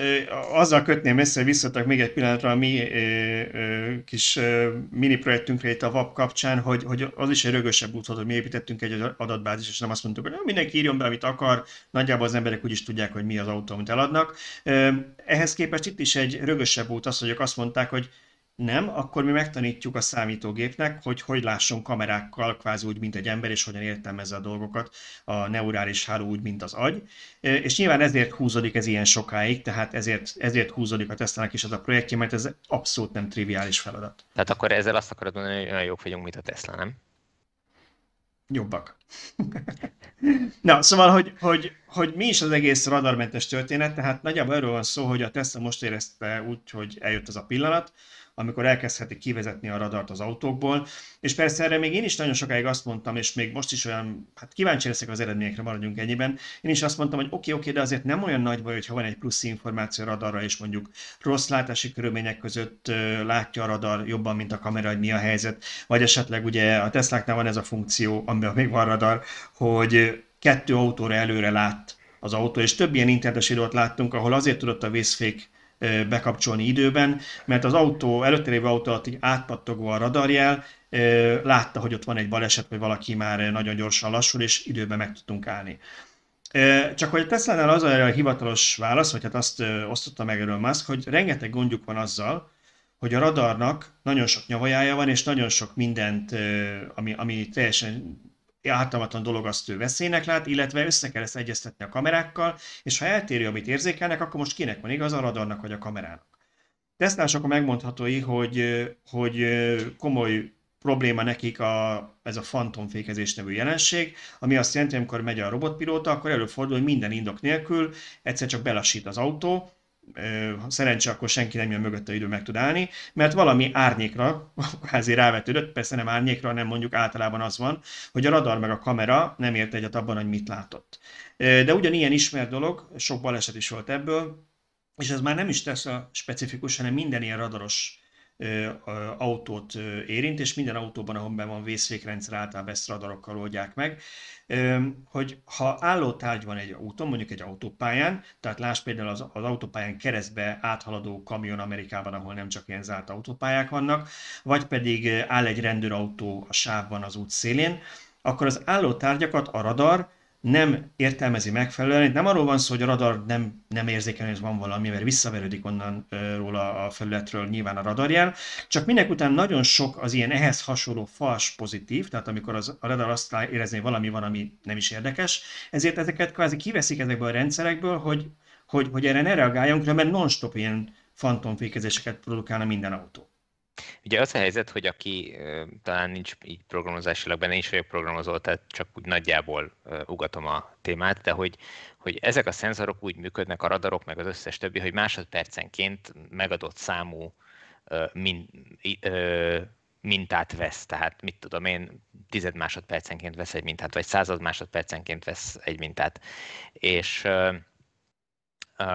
ugye egy nagyon gyorsan robogó autónál egy álló témáról visszaverődő fény az minden egyes ilyen mérésnél különböző, egy picit különböző, de folyamatosan csökkenő értéket kell adjon. De ugye ezek a ezek az értékek, ezek azért szórnak egy bizonyos tartományon belül, tehát, renget, tehát viszonylag nagy zaj van ezekben a mintákban, és ezek, ebben a zajban kell tudjon eligazodni a rendszer, és kigyűjteni azt, hogy mi az a, a érték, aminek hinni lehet, és mi az az érték, aminek nem lehet. És ugye ezek a rendszerek nagyon gyorsan az ilyen álló autókról visszaverődő jeleket nagyon gyorsan vagy kiszűrik, és akkor jön az, hogy a keresztbe álló kamionra nem áll meg, vagy pedig túlreagálják, hogyha ha, ha esetleg olyan tájról verődik vissza, ami, amit ők nagyobbnak érzékelnek, mint ami a valóságban, akkor meg túlreagálják, és akkor befékeznek az autót, igen, és ez a... van a fantomfékezés. Igen, ez a és tipikus példa, Egy tipikus példa, amit nem tényleg szoktak ilyen fantomfékedésoknak, az autópálya fölé behajló jelzőtábla, tehát mutatja mondjuk, hogy milyen sávok vannak, amit a radar néha úgy érzékel, mintha valami lenne az úton, közben az út fölött van több méterrel. Igen, szóval, és ez, hogy mondjam, könnyű lenne azt mondani, hogy hát persze természetesen amelyik nagyobb veszélyt jelent, arra optimalizáljunk. Tehát, hogyha mondjuk, mit tudom én, azt, ér, azt mondja a radar, a kamera ugyan nem látja, de azt mondja a radar, hogy ott van egy akadály keresztül az úton, akkor fékezzen le az autó. Na de hát ez 130-nál, hogyha vészfékez egy autó, és mögöttem jön a következő autó 130 az rendkívül veszélyes tud lenni. Tehát azért ez nem ilyen egyszerű, hogy, hogy mindig ezt, ezt a megoldást kell választani, és nyilván ugyanez igaz, hogyha a radar ugyan nem látja, de mondjuk a kamera képe alapján fölismeri a, az autó, hogy ott valami van, akkor se biztos, hogy az a jó megoldásra fékezni kell, hogy ha egyébként a radar az ellenkezőjét mondja. Tehát, hogy ez egy ilyen, ilyen konfliktus szituációt szül a programozásban, meg az egész rendszerben, és emiatt mondja azt Musk, hogy ezt, ettől meg kell szabadulni, és legyen egy olyan rendszerünk, amivel meg lehet bízni, és amire építjük az egészet. Hát itt a megbízhatóságnál azért egy kérdőjelet tennék. Ugye feltételezzük, hogy a kamerás rendszer legalább annyira megbízható lesz, mint az emberi szem, és ekközben rendszeresen halljuk, hogy az emberek által vezetett autók álló dolgokba belerongyolnak autópályán, legyen az egy... Hol hallottál ilyet? Á. Hát figyelj, ez sajtó tele van vele, mi ugyan nem nagyon írunk, mert általában nem villanyautókkal történik ez, mert még kevés a villanyautó, de, de szinte hetente olvasom, hogy mondjuk útépítést vagy útjavítást végző munkások autójába, vagy akik már ugye rutinosan nem a munkása az első védelmi vonal, hanem kitesznek ilyen vízzel töltött akármi ütközés elnyelő valamiket oda, hogy ezekbe rendszeresen belerongyolnak. A másik, ami, ami alátámasztja ezt, hogy ez mekkora komoly probléma, hogy folyik szerintem jelenleg is, én persze, per, én akármerre járok, gyakran látok ilyen hirdető felületeken, hogy vigyázz az útépítő munkásokra, ezekre felhívják az autósok figyelmét, tehát ez is arra utal, hogy ez egy valós veszély. Igen. Na most, ha, ha a radar vagy a kamera téved, akkor rögtön számon kérjük, de az emberi vezetőn nem, nem kérjük számon, tehát azért ezt szerintem egy Illetve számon kérjük nyilván, tehát az a sofőr az a megfelelő büntetésre ezért megkapja, vagy van egy eljárás ellene, ahol eldöntik, hogy hibás volt-e vagy nem. De nem mondjuk de azt, nem, nem mondjuk azt, hogy azonnal be kell tiltani az autóvezetést, igen.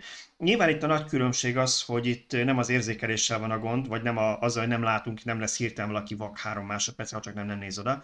Bár akkor is inkább az aggyal volt a probléma, hogy mással foglalkozott, vagy mondjuk fáradt volt, vagy nem koncentrált annyira, a telefonját nyomkodta. Ez van a számítógép nagyon jó lehet, mert az sosem lesz ittas, nem fog elfáradni, az működik, megy, és, és mindig oda fog figyelni. Persze még attól messze vagyunk, hogy ezeket a kormányokat ténylegesen el lehessen engedni, és egyszerűen csak A-ból B-be ugye jutunk, hogy közben újságot olvasunk. És egyébként piszok jó dolog az, hogy ezek az autók folyamatosan figyelnek, és körben látnak mindenfelé. Pont ezen a héten vagy múlt héten jártam úgy, hogy, hogy z 3 jöttem be, a, a Szent Mihály út fölötti fölüljáróra jöttem föl, valamiért hátra néztem, hogy, hogy mi a szituáció mögöttem, hogy ki jön mögöttem, és pont az alatt, az egy pillanat alatt értem föl a tetejére, és akkor szembesültem vele, hogy a, a fölüljárónak a túloldalán áll a sor előttem. És sokkal hamarabb kezdett el pittyegni a Leafnek a, a ráfutás gátlója, mi ez a vészfék asszisztense, még ő nem fékezett, de már veszettő elkezdett pittyegni, hogy fékezzek, amíg én hátra néztem. Tehát hamarabb észrevettem, mint én, hogy ott állnak az autók, és én már tudtam nyomni a féket, és uh-huh. anélkül, hogy vészfékeznem kellett volna, szépen kényelmesen meg. És abszolút indokolt volt a hátranézésed, mert nem a gyereke csitítottad hátul, vagy akármi, forgalmi hanem szituáció forgalmi néztem, okból néztél hátra. Na, a kamera ilyet nem csinál, mert ő egyszerre tud előre is. Hát és, és gondoltok, gondoltok bele abba, hogyha mondjuk tolatsz, akkor elsősorban a külső tükröket, meg a, meg a hátsó tükröt nézed, vagy hátrafordulsz, és akkor nem látod a tükröket, de egyszerre ezt nem tudod tenni.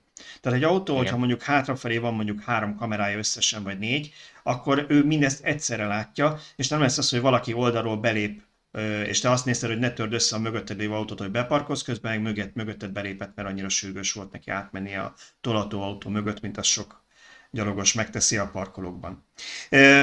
Jó, szóval, hogy nyilván ez áll mögötte, aztán a puding próbálja az evés, hogy ez mennyire fog a Tesla-nak beválni, mennyire lesz rögös az út.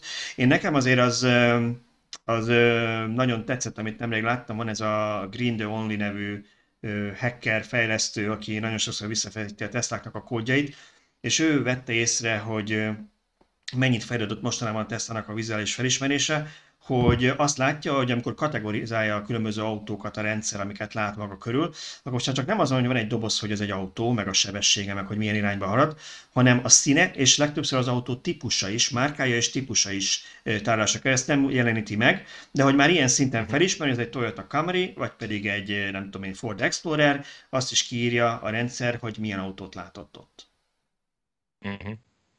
Nyilván Lassan ez, tanúskodni is fog helyettünk egy baleset után. Hát, ez, ez, Elmondja, ez, hogy egy piro, piros színű autó volt, aki a Egyébként nem jársz messze a valóság, ugyanis a legtöbb autóban már van ilyen fekete dobozszerű rendszer, és szerintem nem állunk messze attól, hogy ezt kötelezően mondjuk begyűjtsék a rendőrök majd a balesetek után.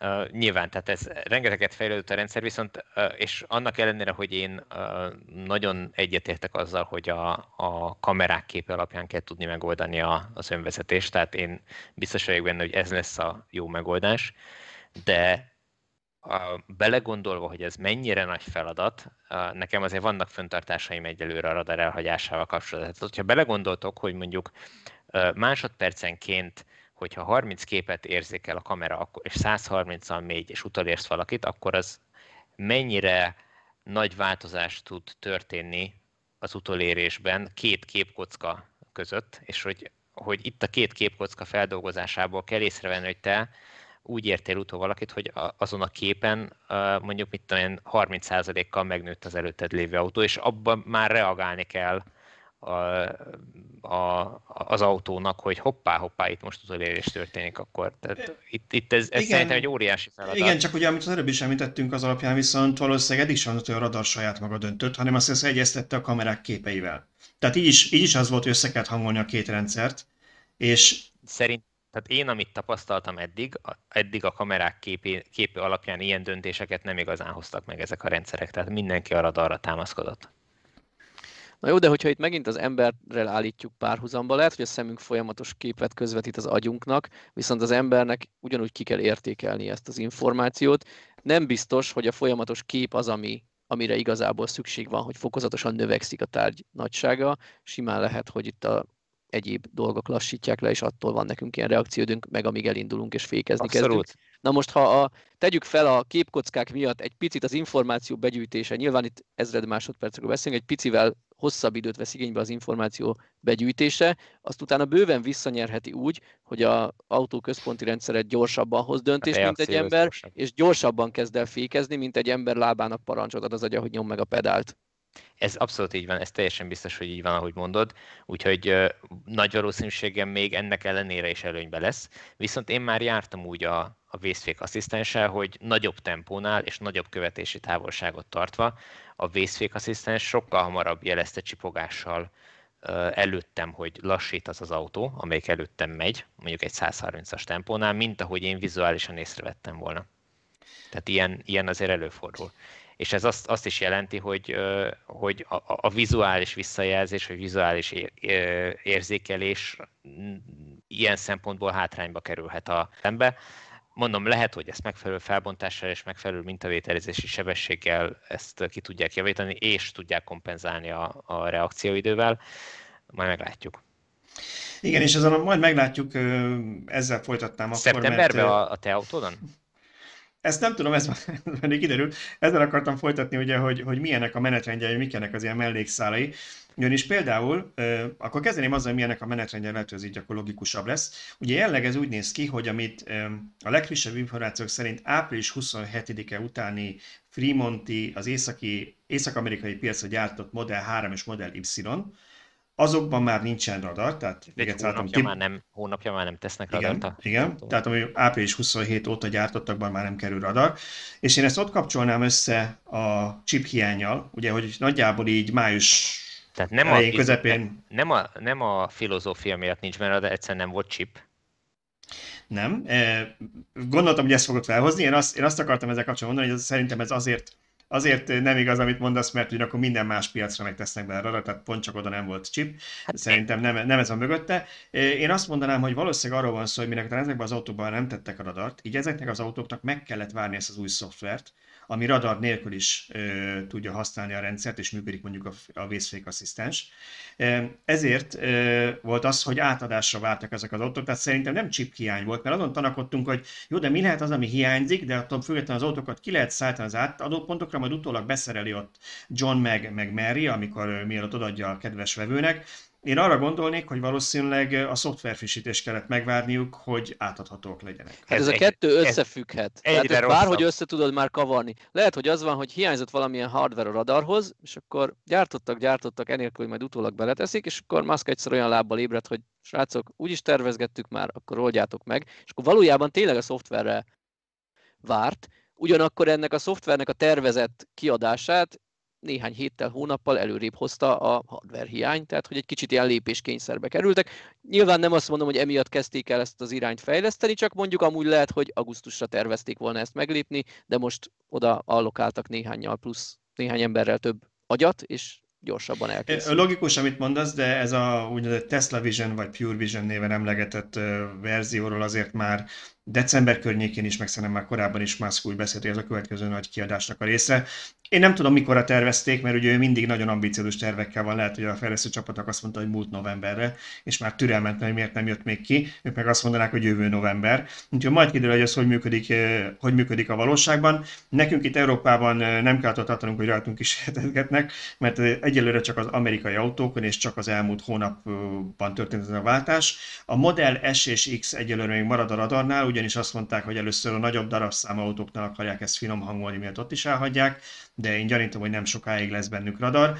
És az összes többi típusnál meg ugye azt mondták hivatalosan, hogy majd ezek után az összes többi típusból is kifogják, összes többi piacra szánt autóból pontosabban, tehát még az európai autókból is kihagyják a radart. Én feltételezném, hogy erre lehet, hogy azért megvárják, hogy mit mondanak a, a különböző közlekedés biztonsági hatóságok, mert például Amerikában most átmenetileg a, az amerikai ezzel foglalkozó ügynökség levette a, azt a kis jelölést a, a Model 3 és Y-ról, ami azt jelenti, hogy benne van az összes általuk javasolt biztonsági feature vagy szolgáltatás, ugyanis jelenleg nincsen még ez a, ugye nincsen már bennük radar, de ők még nem tesztelték le az autónak azt az új típusát, vagy verzióját, ami, ami a kamerákra támaszkodik csak.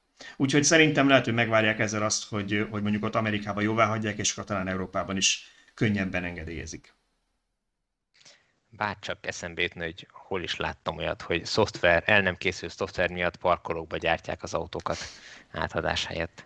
Mm, nem, én nem, tudok, biztos, erre, nem tudok erre gondolni. Nem, biztos, nem biztos, hogy, hogy meg kéne fordítani ezt, hogy a másik márkáról másoljuk a dolgokat. Tehát jobb lenne, Minden, valami figyelj, egy száz éves autógyártól mindig lehet tanulni. Értem. Jó, na, Csak szóval akkor, akkor szerintem a radar témát kimaxoltuk, és a chip hiányt is valamilyen szinten megemlítettük, hogy a Tibor lelke is megnyugodhat a hétre. Volt itt még egy tesztás hír, amit én gyorsan azért hoznék csak be, mert, mert szerintem még fontos lehet azoknak, akik, mint én, Model 3-at rendeltek az elmúlt hetekben itt Magyarországon. Szerintem elég sokan olvassák, de ha valaki esetleg egy szikla alatt él, ahogy Amerikában mondták, és csak ezt a podcastot hallgatja, és ez az egyedüli tájékozódási pontja a világban, akkor még lehet, hogy nem hallott róla, hogy múlt hét pénteken a Tesla magyar képviselete csökkentette a Model 3 alapverziójának az árát, ugyanis nem akartak belemenni abba a vitába, amiről mi is beszéltünk, hogy most vajon ez a forgalomba helyezési 360 ezer forint, ez az állami pályázat kapcsán beleszámít-e az autó árába, avagy nem. Mert ha beleszámít, akkor ugye 15 millió fölött volt az autó, és akkor egy fillér támogatás nem járna rá. Ha nem számít bele, akkor ugye jár a másfél millió forint. Úgyhogy levitték 360 ezerrel az autó árát, és így már biztosan, akárhogy is értelmezi akárki, belefér a támogatási keretbe, pontosabban a sávhatárokba. Nem Ez automatikus, gálás. gálás, de nem automatikus, tehát ezt mindenképpen mondjuk el, hogy aki szeretne ezzel a lehetőséggel élni, annak vissza kell mondani a rendelését, és egyébként ezzel bukja a 36 ezer forintos foglalót, és újra meg kell rendelni az autót. Én azt mondanám, hogy minél előbb rendeljék meg az autót, akik, akik ezt szeretnék tenni, mert nem biztos, hogy sokáig marad ez, a, ez az árváltozás. Ugye a Tesla néha hetente változhat az árakon, hogyha úgy tartja a kedve. Úgyhogy lehetséges, hogyha a minisztérium azt mondja, hogy Mégis ez nem számít vele, lesz valami hivatalos állásfoglalás, ugye tavaly is volt olyan, hogy négy nappal a pályázat kezdet előtt pontosítottak a szövegen, akkor én nem tartanám kizártnak, hogy a Tesla visszaemeli az árat, mert most már szerintem a világon talán a második legolcsóbb modell nálunk van. Azt az első legolcsóbb nettó árakat nézve az a német, ott nagyon-nagyon versenyképesen tartották az alapverzió árát, de azért ez egy annyira mély ár, hogy nem biztos, hogy sokáig fogják tartani, úgyhogy aki élni akar vele, az addig tegye, amíg nem változik az ára. De nem kötődik semmiképp az állami támogatáshoz, tehát ha én valami hobbiból nem szeretnék támogatásra pályázni, akkor is ennyiért kapom Akkor is ennyi, hogyha te másfél millió forintról le akarsz bukni, mert nem tetszik a matrica, igen. Nem, hát mindegy. De nem és mi a helyzet akkor, hogyha mondjuk én megvenném bele a fehér belsőt, amivel kicsúszok, az alapár akkor is az is erre adódik. Igen. Na hát akkor innentől Ne kísérts, ne kísérts, mert a fehér, ez egy dolog, hogy a fehér belső az valami fél millió forintos felár, de ugye a támogatás nélkül két millió forintos felár lenne, úgyhogy ezt el is vetettem gyorsan én is, igen ne, ne vedd el semmiképp, mert, mert azt mi szeretnénk, hogyha közvetítenél, hogy milyen volt pályázni, tehát ha, ha ki lemondasz az idei pályázatra, akkor nem lesz ilyen anyagunk. Egyfolytában, egyfolytában ezzel traktáltok, hogy legyen egy webkamera a fejemben, miközben pályázok, valamit kitalálunk, valamit kitalálunk, hogy tavaly is Sőt, kettő, egy, egy, egy fejkamera, ami, ami azt mutatja, amit te nézel, és egy másik, ami szemben az arcodat mutatja. De ez annyira antiklimatikus lesz, mert belépek, a rendszer bírja a terhelést, beütöm az adataimat, rájöttek, hogy enter, hármat pittyen a gép, és megvan a pályázat. Tehát itt semmi nem hát lesz. na bum, ha, ha most egy 10 másodperces videó lesz, hát annyi baj legyen. Jó, ez is igaz. Na jó, van még egy témánk. Szerintem Tibor szeretne egy kicsit hidrogénautózni, úgyhogy beszéljünk erről mindig, pár szót mind, mindig beszéljük, de most nem, nem az a téma lesz, mint amit terveztünk már nagyon régóta, hogy, vagy tervezgetünk, hogy, hogy beszélünk róla, hanem jövő héten lehetőségünk lesz végre kipróbálni egy ilyen autót a Hyundai jó voltából, ugyanis néhány napra Magyarországra érkezik egy, egy elektromos, egy hidrogén hát üzemanyag az. Hidrogén üzemanyag fellás. Tegyük tisztában, ezt sokan nem tudják, hogy a hidrogénautó az általában nem hidrogént éget, az ugyanúgy elektromos autó, mint az akkumulátoros, csak egy hidrogén tartályba tárolja az energiát, amiből az üzemanyagcella, a tüzelőanyagcella elektromos áramot állít elő. Ami egy átmeneti kis akkumulátorba belemegy, igazából ez olyan, mint egy, mint egy hibrid, nem plugin, hanem a sima hibridönben ilyen 1-2 kWh akkumulátorok vannak, nagyjából ugyanúgy működik. A hidrogén tartályból ugye bemegy a tüzelőanyagcellába a hidrogén, elektromos áramot termel, és ez ebbe az átmeneti tárolóba, ebbe a kis bufferbe, ebbe a kis akkumulátorba megy, onnan megy szépen a villanymotorokhoz, tehát valóban ez egy hidrogén elektromos hibrid. Igen, tehát Bocsánat. használatban ö, igazából nem számítunk túl nagy különbségre, de hogyha bármire kíváncsi, kíváncsiak vagytok ezzel az autóval kapcsolatban, akkor írjátok meg hozzászólásban, és akkor megpróbáljuk Balázsra megnézni, hogy, hogy milyen abból a szempontból ez az autó. Ha összejön, akkor forgatunk róla egy videót is, és kipróbáljuk. Hát sajnos tölteni nem lesz lehetőségünk, ugye, mert Magyarországon egyetlen töltési helyszín van, de az viszont még nem nyilvános. Hosszas egyeztetéssel a Hyundai el tudta érni azt, hogy ők a teszthez fel tudják tölteni ott ezeket az autókat, de mi nem tudunk csak úgy oda menni és, és tölteni, tehát ezt megpróbáltuk megszervezni, nem sikerült, nem jött össze, úgyhogy a töltésről nem fogunk tudni beszámolni. Most arra nem lesz elég idő, hogy elvigyük Bécsbe ezt az autót, hogy ott föltöltsük. A legközelebbi olyan töltő, ahol nyilvánosan bárki föltölthet egy hidrogén hajtású autót, az, vagy hidrogén üzemanyagcellás autót, az, az Bécsben van, hát a budapesti helyszín az, az egyelőre az nem nyilvános. Igen, tehát ez egy, ez egy cégnek a telephelyén üzemel ez a töltő, tehát nem, nem úgy készítek el, mint egy benzinkutat, hogy bárki oda mehet, hanem akit ők beengednek, az oda mehet. Úgy látszik face control van, és a mi arcunk az nem megfelelő. Mi nem vagyunk kompatibilisek az ő rendszerükkel, így van. Úgyhogy... Na hát ennyi, hogyha ha van ö, valami, amire kíváncsiak vagytok az autóval kapcsolatban, akkor írjátok meg, azt megpróbáljuk megnézni. Egyébként pedig akkor jövő héten készül erről. Azt hiszem, hogy szerdán lesz ugye ez a, a bemutatónk, hát ha jövő hét végére, hogyha ügyesek vagyunk, akkor össze tudunk rakni. Én, én most nagyon vártam, hogy Tibor milyen határidőt fog saját magának szabni a videóra, a Dacia-ból kiindulva, de... Igen, még adós vagyok lesz, a. Lesz Dacia videónk? Le, adós vagyok a Dacia videó összevágásával, csak annyi minden itt a nyakunkba csúszott, hogy... Tibor, az, az, a, az a Dacia videó olyan rég, hogy még hajam volt amikor fölvettük. Figyelj, mire elkészül, újra kinő. Körülbelül. De igen, ahogy ígértük, kettő darab Dacia videó is lesz, úgyhogy ezek még készülnek, de, de tényleg nagyon sok dolgunk volt. Ígérem, hogy, úgy ígérem, hogy összeszedem magam, és akkor el, befejezem a videókat. Már egy részük össze van vágva, csak na, még, még nem tudtam. Túl jó a hang, le akarod rontani, biztos az van. Igen, igen, igen. Hát volt ott is a hang. Volt ott is, a hanggal örökké, tehát hogy ez igen, meg, meghalt menet közben egy csatlakozónk, de, de valahogy megoldottuk. Majd mondtam Tibornak, hogy mint David Attenborough alá mondom valami dörvögő hangon, ami, ami rossz felvétel. Ja, hát inkább ne úgy, hogy megpróbáljuk abból kihozni azt, amit, amit, amit sikerült mégis felvenni. Jó, szerintem az a ritka pillanat van, hogy 1 óra 20 percnél elfogytak a mára kitűzött témáink, úgyhogy én ezt a lehetőséget megragadnám, hogy akkor most kivételesen ne csúszunk túl már a másfél órán. Megköszönném mindenkinek a figyelmet, nektek is, hogy itt voltatok ma. Úgyhogy még egyszer, amivel kezdtük, elindult a VAP, a villanyautópiac, piac.villanyautósok.hu. Szeretnénk, hogyha kipróbálnátok, használnátok. Nyilván most még csak pár tucat autó van fönn, de a következő hetekben nagyon sok autó érkezik, majd már több kereskedés jelezte, hogy fel fogja tölteni az autóit, és természetesen magánszemélyek is nyugodtan hirdethetnek, úgyhogy ha van autótok, amit el szeretnétek adni, ingyen bérmentve fel lehet tölteni, és hogyha valami nagyon szép leírása az autónak, akkor még ki is emelem a hirdetést. Illetve hát aki autót keres, azt is csak arra tudjuk biztatni, hogy, hogy nézzen körül, mert egyre bővül a kínálat az oldalon. Igen. Úgyhogy köszönöm még egyszer mindenkinek a figyelmet, köszönöm Tibornak és Gábornak, hogy eljöttek erre a villanyórára. Találkozunk mindenkivel ugyanígy jövő héten. Sziasztok!